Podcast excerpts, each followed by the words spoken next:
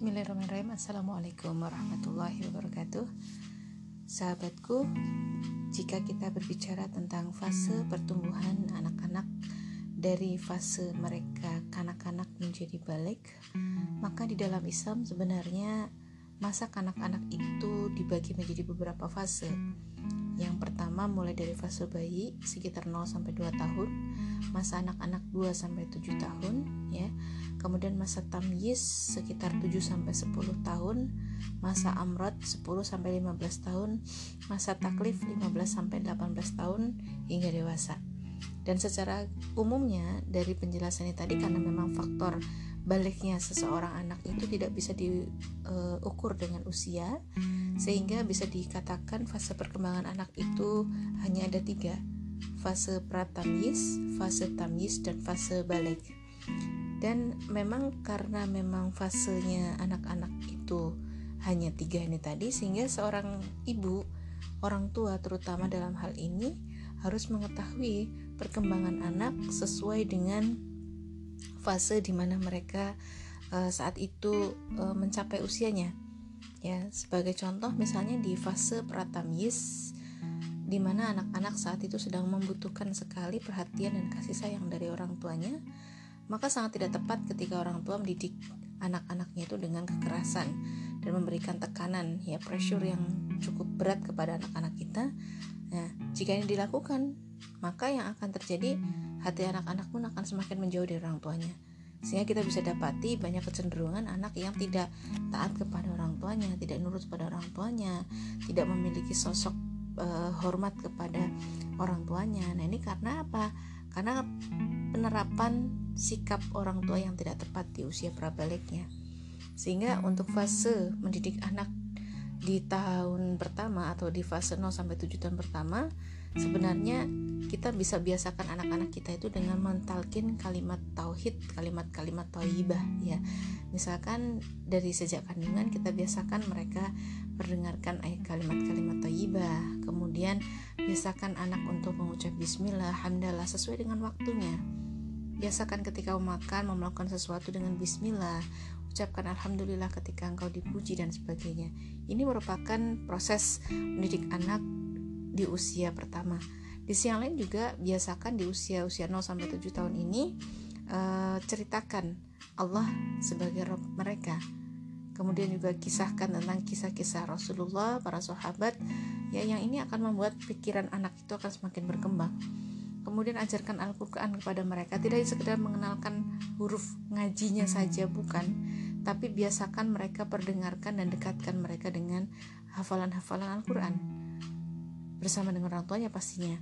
Kemudian kenalkan juga ibadah-ibadah dan tata caranya ya, baru perkenalan ya. Mungkin tidak langsung memberikan uh, tekanan dengan dia harus menghafal dan sebagainya. Baru dikenalkan dan dibiasakan mereka dengan hal-hal yang seperti itu. Artinya di tahun-tahun pertama inilah di usia pratamyis ini orang tua mulai memberikan bimbingan kepada anak itu sudah mulai diajarkan sholat ya. Karena memang di usia ini orang tua tidak boleh memaksakan anak untuk sholat.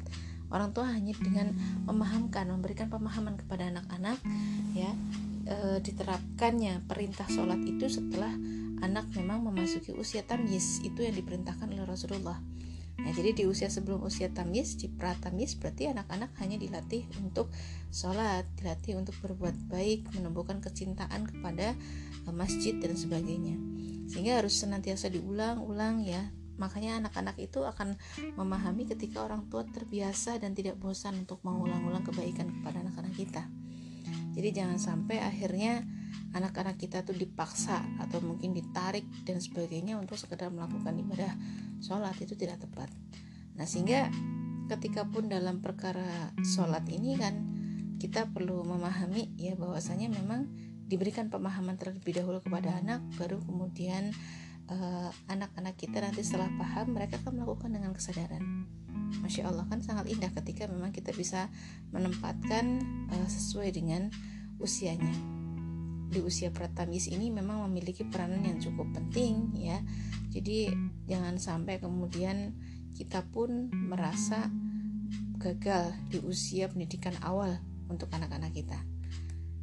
Kemudian memasuki usia yang kedua usia tamyiz di mana batasan anak memasuki usia tamyiz ini memang di atas 7 tahun sampai 7 sampai 10 tahun sekitar usia ini tadi. Di mana anak tamyiz itu berarti dia sudah bisa benar mana salah. Jadi anak usia tamyiz ini bukan berarti udah dewasa, bukan.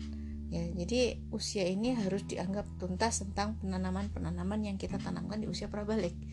Artinya karena kita terbiasa melatih mereka sehingga mereka clear ya clear terhadap satu masalah. Ini benar ini salah. Ini baik itu buruk. Itu mereka tahu mana yang benar mana yang salah. Ini miliknya itu bukan miliknya. Nah kalau di atas usia 7 tahun ternyata mereka masih belum bisa membedakan mana yang benar mana yang salah. Nah berarti dalam hal ini ada pola yang kurang tepat dalam penanaman di usia pratambis kita. Makanya eh, jika di usia tamyiz ini kemudian kadang kita sudah bisa temui anak-anak kita sudah mulai muncul. Yang namanya goriza bako ya naluri untuk mempertahankan eksistensinya.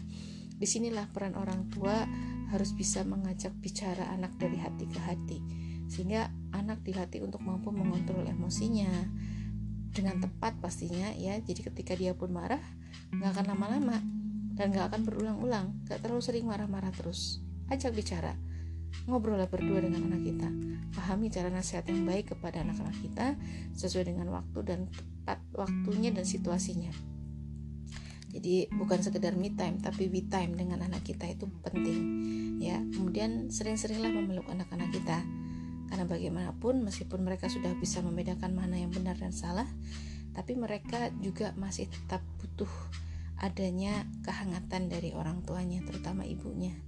Sehingga anak-anak kita pun nantinya tetap e, konsisten dalam kebenaran ini. Tadi ada orang tuanya nggak ada orang tuanya dia akan tetap jadi anak-anak yang baik akan menjadi anak-anak yang tetap solih kepada taat kepada Allah dan juga kepada orang tuanya.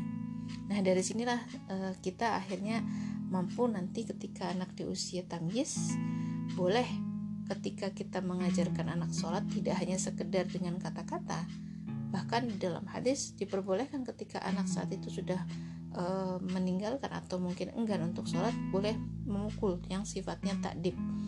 Ya pukulan itu sifatnya mendidik bukan pukulan yang menyakitkan tidak dengan kekerasan tapi pukulan yang takdib. Takdib itu mendidik sehingga bukan di tempat-tempat uh, vital anak-anak kita ketika dia memang dipukul ya tapi memang di tempat-tempat yang sekiranya tidak menyakitkan. Dan itu memberikan cukup memberikan pelajaran kepada anak-anak kita. Sampailah kemudian anak di usia balik ya sampai di usia balik jelas pola asuhnya tidak sama antara anak di usia prabalik eh, pratamyiz tamyiz dan juga balik jelas. Di usia balik anak itu sudah mencapai batas kedewasaan. Dia sudah me apa ya sudah menginjakkan kakinya untuk dihisap oleh Allah dia saat itu sudah akan dimintai pertanggungjawaban setiap waktunya, setiap detiknya, setiap perbuatannya. Sehingga kalau dari sebelum balik anak itu sudah dikenalkan tentang benar dan salah, halal haram melakukan sesuatu itu boleh atau tidak menurut pandangan Islam, menurut pandangan agama, saya yakin ketika dia balik dia tidak akan banyak melakukan dosa. Karena apa? kan dosa yang dilakukan anak orang tuanya kena. Orang tuanya kena dosa jariah dari amalan-amalan anaknya yang sekiranya di situ memang e, akan berpengaruh kepada orang tua. Bayangkan pola pendidikan anak ketika dia masih kecil akan berpengaruh kepada pahala dan siksanya kita juga. Nah di sinilah saudaraku pentingnya kita melakukan konsentrasi atau memberikan konsentrasi yang penuh dalam mendidik anak-anak kita. Karena apa karena hari ini tantangan pun semakin besar. Banyak orang tua sekedar membesarkan anak itu banyak, tapi untuk mendidiknya dan mengasuhnya sesuai dengan aturan-aturan yang sesuai dengan aturan Islam tidak tidaklah banyak. Semoga kita termasuk orang-orang yang diberikan kekuatan oleh Allah untuk mampu mendidik anak-anak kita menjadi generasi-generasi terbaik untuk masa depan. Sekian, Assalamualaikum warahmatullahi wabarakatuh.